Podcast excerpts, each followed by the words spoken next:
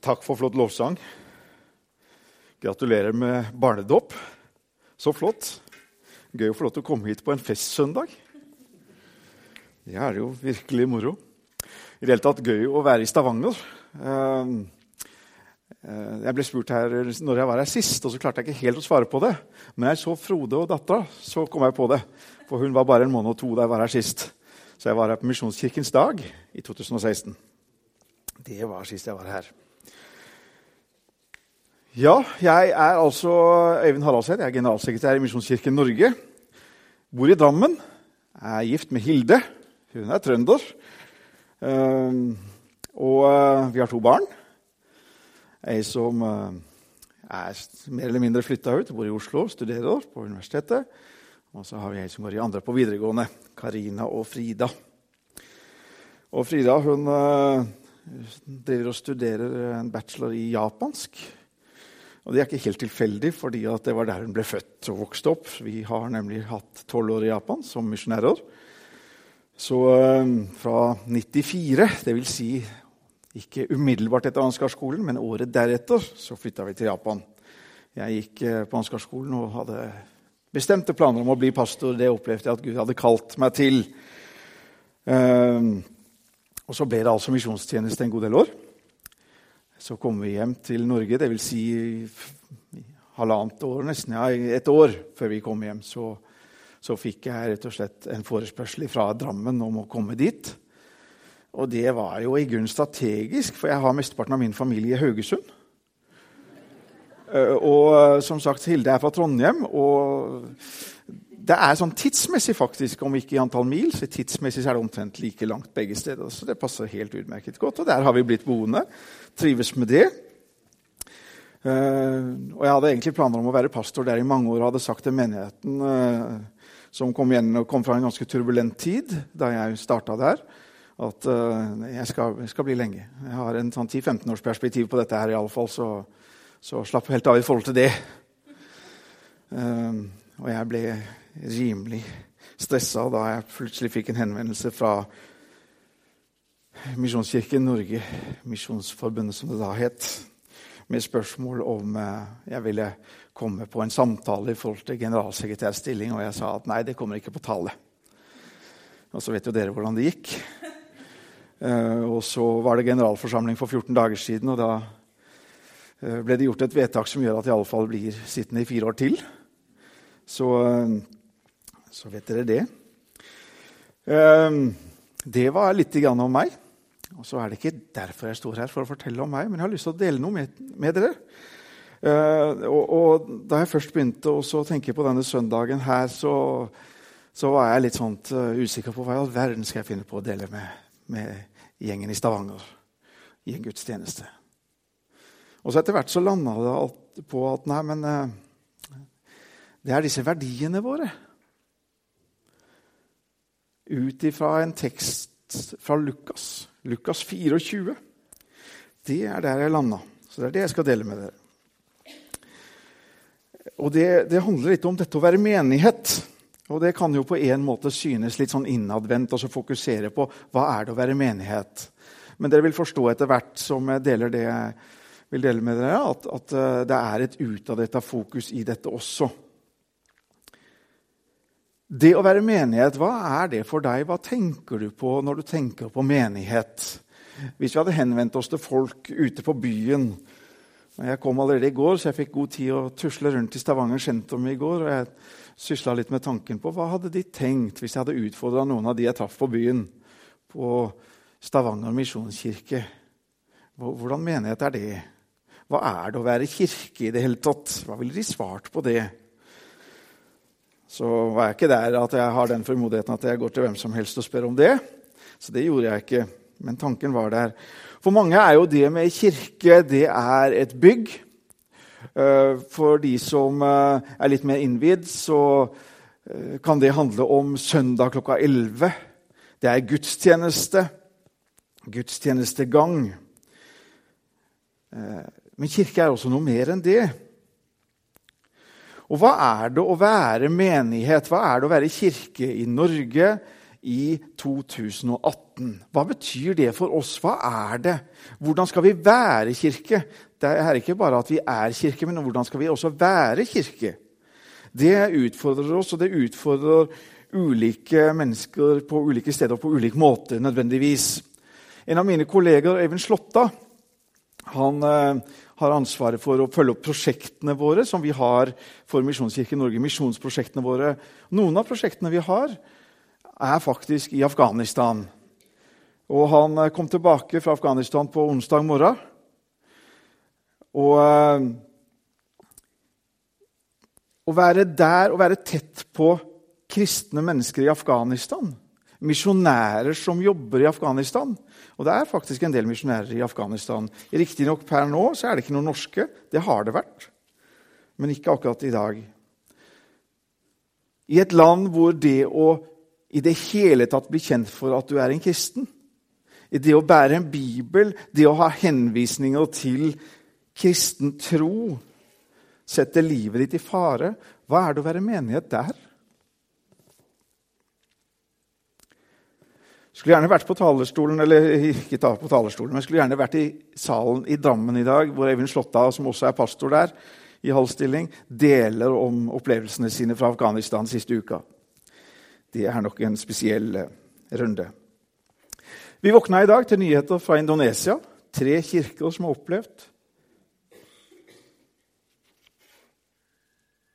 under gudstjeneste, kunne det se ut som, å bli bomba.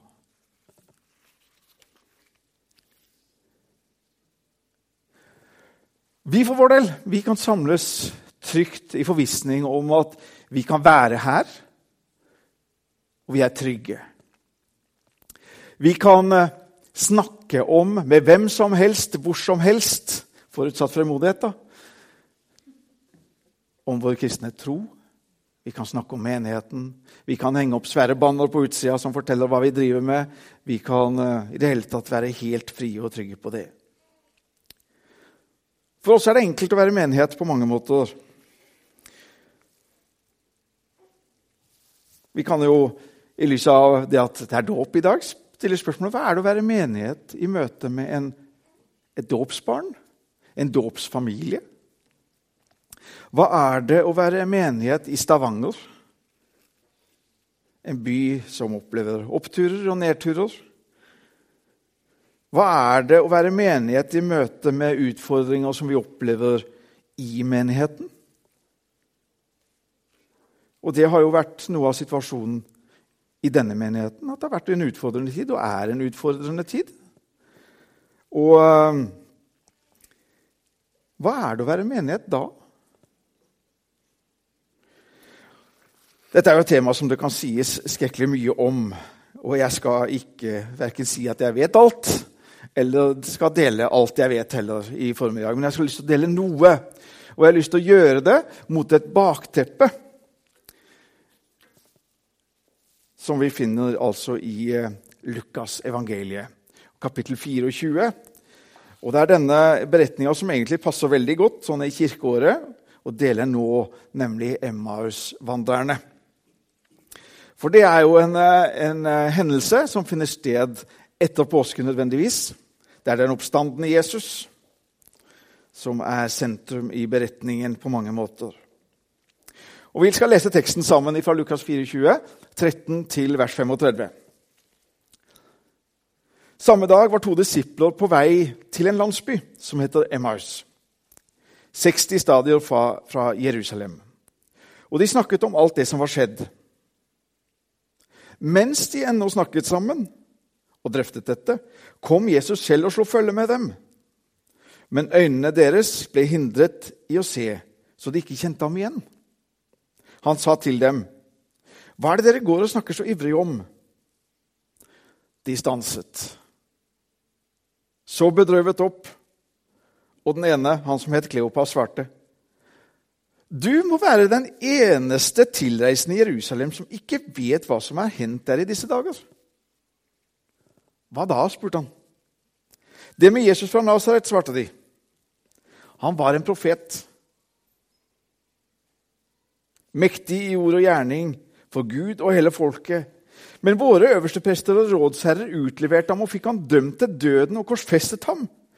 Og vi som hadde håpet at det var han som skulle befri Israel. Dessuten, i dag er det alt tredje dagen siden det hendte. Og nå har også noen kvinner blant oss gjort oss forvirret. De gikk ut til graven i dag, tidlig i dag morges, mor, i dag morges, og de fant ikke kroppen hans. De kom tilbake og fortalte at de hadde sett et syn av engler som sa at han lever. Noen av våre gikk da til graven, og de fant det slik som kvinnen hadde sagt, men han selv så det ikke. Da sa han til dem, så uforstandige dere er, så trege til å tro alt det profeten har sagt. Måtte ikke Messias lide dette og så gå inn i sin herlighet? Han begynte å utlegge for dem det som står om han i alle skriftene, helt fra Moses av og alle, hos alle profetene. De nærmet seg nå landsbyen de skulle til, og han lot som han ville dra videre. Men de ba ham inntrengende, 'Bli hos oss.' Det lir mot kveld, og dagen heller. Da gikk han med inn og ble hos dem. Og mens de satt til bords med ham, tok han brødet, ba takkebønnen, brøt det og ga dem. Da ble øynene deres åpnet så de kjente ham igjen. Men han ble usynlig for dem. De sa til hverandre, 'Brant ikke hjertet i oss da han talte til oss på veien og åpnet Skriftene for oss?' Og de brøt opp med en gang og vendte tilbake til Jerusalem. Der fant de alle de elleve og vennene deres samlet, og disse sa, 'Herren er virkelig stått opp og har vist seg for Simon.' Så fortalte de to om det som hadde hendt på veien, og hvordan de hadde kjent ham igjen da han brøt brødet. La oss be en kort bønn. Himmelske Far, takk for ditt ord til oss.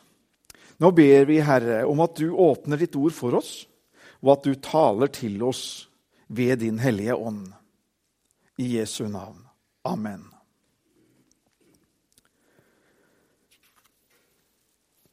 Jeg har tre stikkord i dag, som dere ser. Rotfestet, raus og relevant. Det er de verdiene som vi bygger på i Misjonskirken Norge. Jeg har lyst til å gå til relevant først. Den første delen av den teksten her, den handler altså om to personer som har opplevd noe ganske skjellsettende. Og De er på vei fra A til B. Det er ikke så lange stykker, det er røftlig en mil de er ute og går. Et par timers tid, kanskje, med god fart. Det er hverdag. Hverdagen er inntruffet igjen etter påsken. Selv om opplevelsen og spørsmålene sitter der. Hva går de og snakker om? Jo, de snakker jo om det de har opplevd, ikke sant?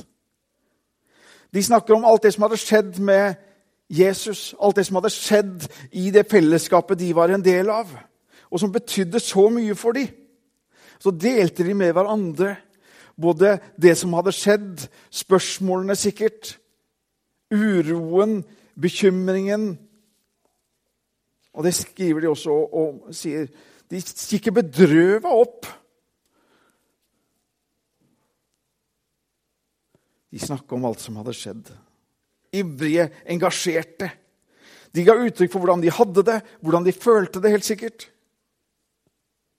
Spørrende, ja. Og mens de går der og prater seg imellom, så kommer det altså en tredje person på veien.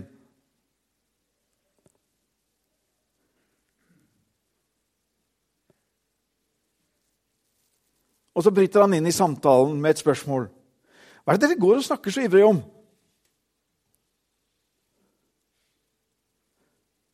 Og så ser vi noe flott som skjer her. Disse to disiplene de kunne ha møtt ham med at eh, Hør her, Hvis du ikke engang er med på dette, hvis du ikke engang har hørt om alt det som har skjedd her nå, så, så trenger vi å fortsette å snakke om vårt. Vi har opplevd noe så krevende at dette må vi faktisk få jobbe med internt i gruppa. Og så kunne de fortsatt å gått videre. Men de gjør ikke det. De avfeier ham ikke. De ber han ikke bare gå for seg sjøl, men de innlemmer han aktivt i samtalen.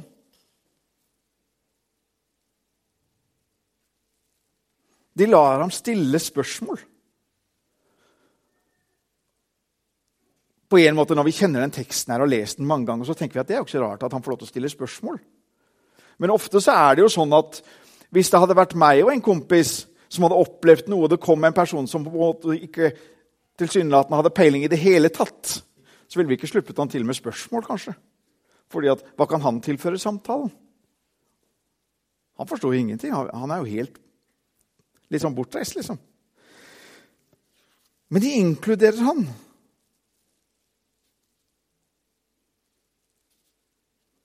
Lar ham stille spørsmål. Guds kjærlighet er inkluderende. Og det, Kanskje er det ikke så rart at de inkluderer han, for de hadde vært i nærheten av Jesus så lenge. De forsto ikke at det var han som kom opp på sida av de nå. Men én ting de hadde lært av Jesus i å være i hans nærhet, var at Gud er inkluderende. Kanskje var det blitt noe av deres DNA? At når det kommer noen til oss, ja, da inkluderer vi.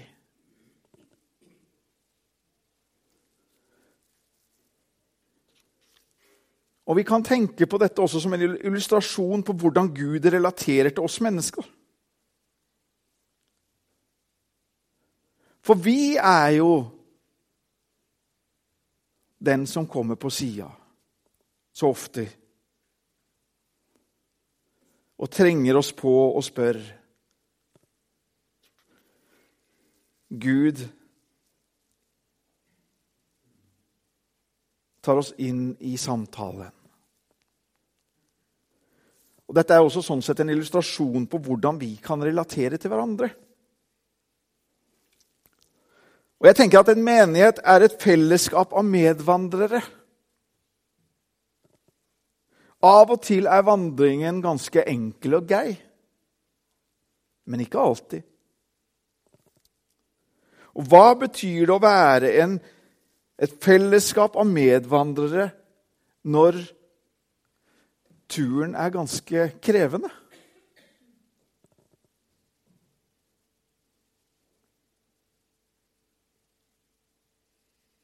Når vi ikke er enige om saker og ting. Hvordan vandrer vi sammen da? Hvordan vandrer vi med et dåpsbarn som etter hvert blir voksen og får egne meninger, og som kommer i opposisjon?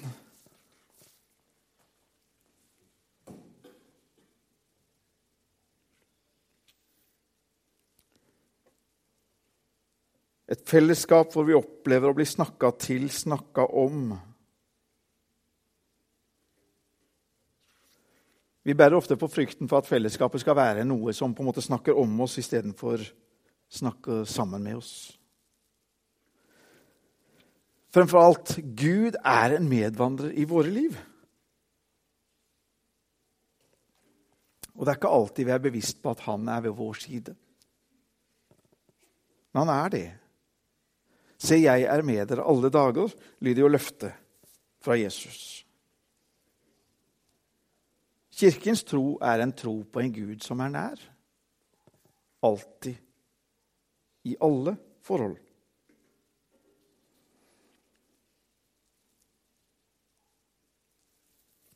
Jeg tenker Dette har noe med Kirkens relevans å gjøre. Å være til stede i menneskers liv ikke bare i hverandres liv internt i menigheten, men i de menneskers liv som vi er i berøring med. Både på søndag og på mandag og på tirsdag osv. Og, og det er ganske mange mennesker.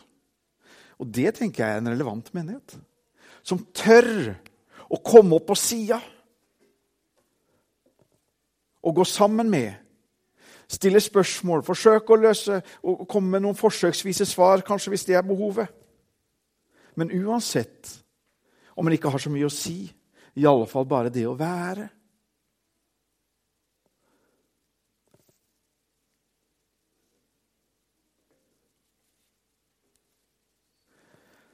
I Japan så hendte det en gang imellom at jeg måtte i en begravelse. Og det japanske språket hadde ikke mange ord å bruke. Hva er, hva er, på en måte formuleringene man bruker? Vi kjenner det på det i norsk setting også. Hvilke ord bruker vi når vi møter mennesker i sorg? Noe av det jeg lærte meg nettopp i Japan, det var at glem ord. Det viktige er at du er. Du trenger ikke si noe. Ordene er uvesentlige, men ditt nærvær er viktig. Og jeg tror så ofte at vår, vår tanke om at orda våre, råda våre, er det avgjørende, er ødeleggende. Jeg tror nettopp vårt nærvær er noe av det mest relevante vi kan by på.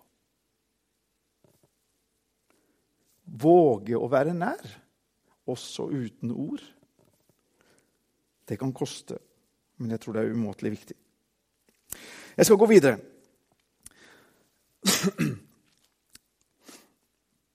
Raushet er mitt neste stikkord. I siste delen av teksten så ser vi at den personen som har tatt følge med de to andre, han gjør noe fiffig. Og teksten formidler det. Han later som han vil gå videre. Og hva gjør vi ut av den setninga der? Jo, vi forstår at det var ikke det han egentlig vil. Men han eh, vil ikke heller trenge seg på. Han vil helst være sammen med. Men han later som han vil gå videre fordi han vil skape et rom, et handlingsrom, for en invitasjon. Trenger seg ikke på, men er åpen for å bli invitert inn. Og De to bestemmer seg ganske raskt for at deres nye venn ikke skal gå videre så sent på dagen, og sier at eh, 'bli hos oss'. Noen av dere har kanskje vært i Skien misjonskirke tidligere. Nå har de fjerna altermaleriet som hang der, men de hang et kjempemaleri i fronten av Skien misjonskirke. Jeg skal ikke si at det er på størrelse med denne veggen, men eh, det var iallfall stort. Og illustrasjonen var nettopp, eller maleriet var akkurat motivet var fra utenfor døra der hjemme hos. Og vi ser disse tre stå der. Og vi ser det er skrevet på maleriet 'Bli hos oss'. Jeg syns det er et flott bilde. Og De to som inviterer gjesten inn på middag, tenkte sikkert at de ville gjøre en god gjerning og være gjestfrie. De ville være på giversida. De ville gi av seg selv, de ville gi brød og videre. Men så opplever de noe. For når Jesus kommer inn, setter seg ned, og han bryter brødet så forstår de hvem gjesten er. Og da blir jo gjesten hele festen. Vi blir gitt mer enn vi ofte klarer å gi når vi åpner opp og sier at 'kom, bli hos oss'. Jeg må fortelle historien om eh, Miroslav Wolf. Noen av dere har kanskje studert teologi og har snubla over eh, teologiske bøker av Miroslav Wolf. Han uh, vokste opp i Jugoslavia for en god del år siden. Han er en uh, godt voksen mann i dag. Miroslav sin far var prest i den lokale kirken i landsbyen.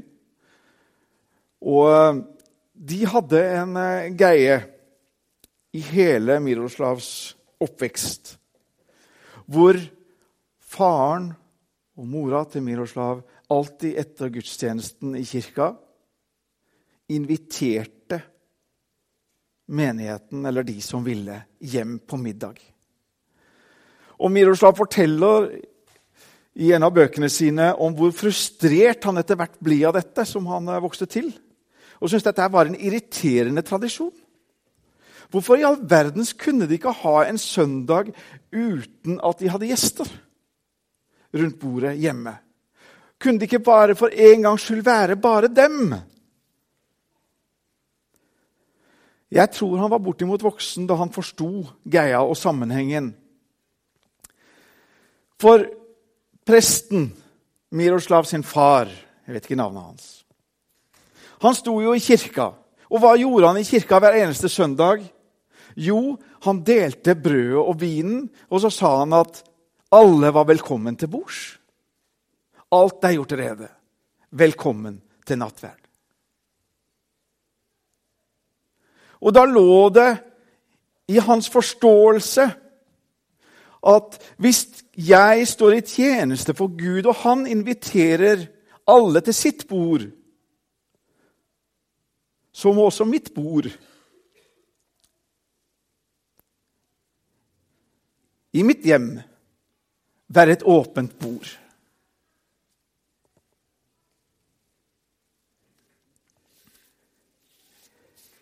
Jeg tenker på en fantastisk måte at den historien illustrerer et raust menighetsfellesskap.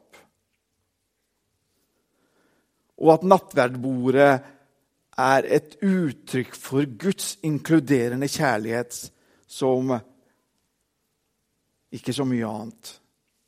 Og Vi praktiserer jo i Misjonskirken Norge også at nattverdbordet er åpent.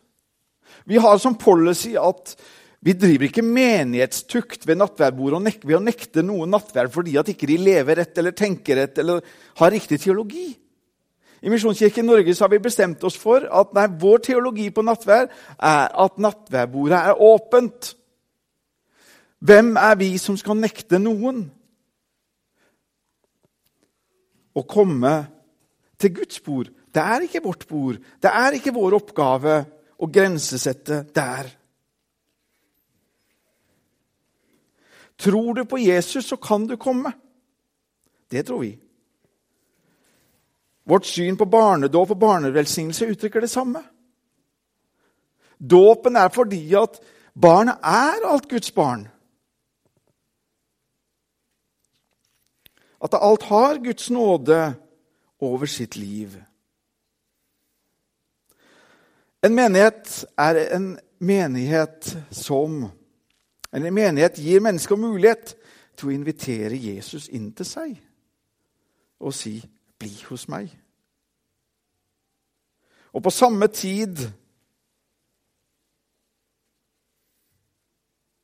inviterer Jesus oss inn til seg. Og I møte med Jesus så innser vi jo ganske snart at vi har ikke så veldig mye å gi til han. Men han gir oss alt.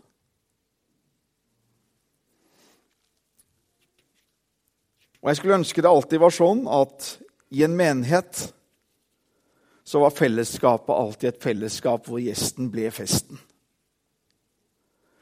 Det er altfor mange historier om eh, Jesus sin fanklubb, for å ta opp det som eh, ble nevnt her innledningsvis. Hvor fanklubben på en måte skal sette noen sånne grenser.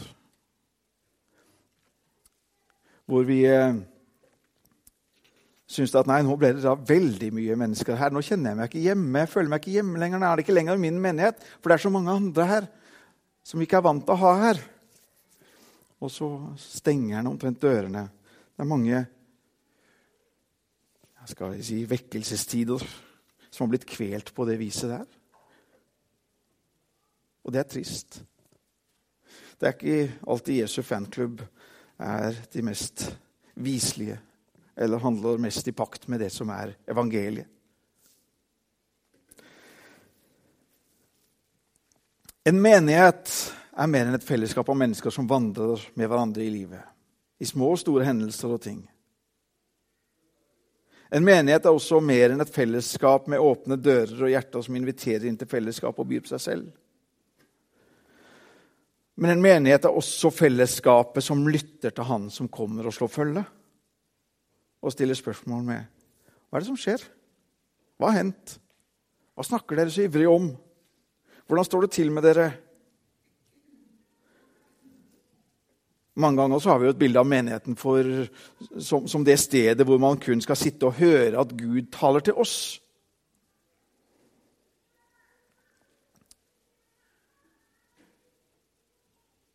Men den Jesus vi møter i teksten her, det er jo en Jesus som lytter. som stiller spørsmål. Som sier, 'Hva er det dere er så opptatt av? Hva er det som har hendt?' En lyttende Gud. Menigheten er et fellesskap hvor man står i en dialog med og kommuniserer fram og tilbake med Gud. Og Da er det ikke bare Gud som snakker. Vi får lov til å snakke, vi òg. Og vi får lov til å si det som det er. Og hvis du er i tvil om det, begynn å lese litt i salmene. Se hvor mye menneskelige tanker og ja, edder og galle, som barneskolelæreren min sa, som kommer der. Menighetsfellesskapet er et fellesskap hvor vi kan øve oss på å snakke med Gud.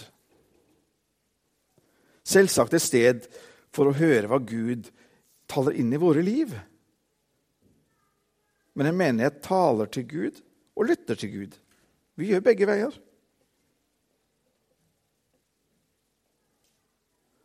Emmausvandrerne kjente at det brant i hjertene. De hørte Guds stemme. De hørte at det var noe her.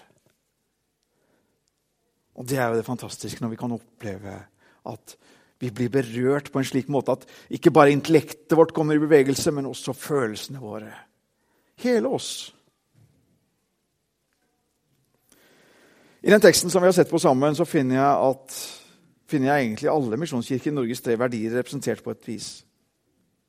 Vi er relevant ved at vi går sammen med menighet, sammen med folk, er medvandrere.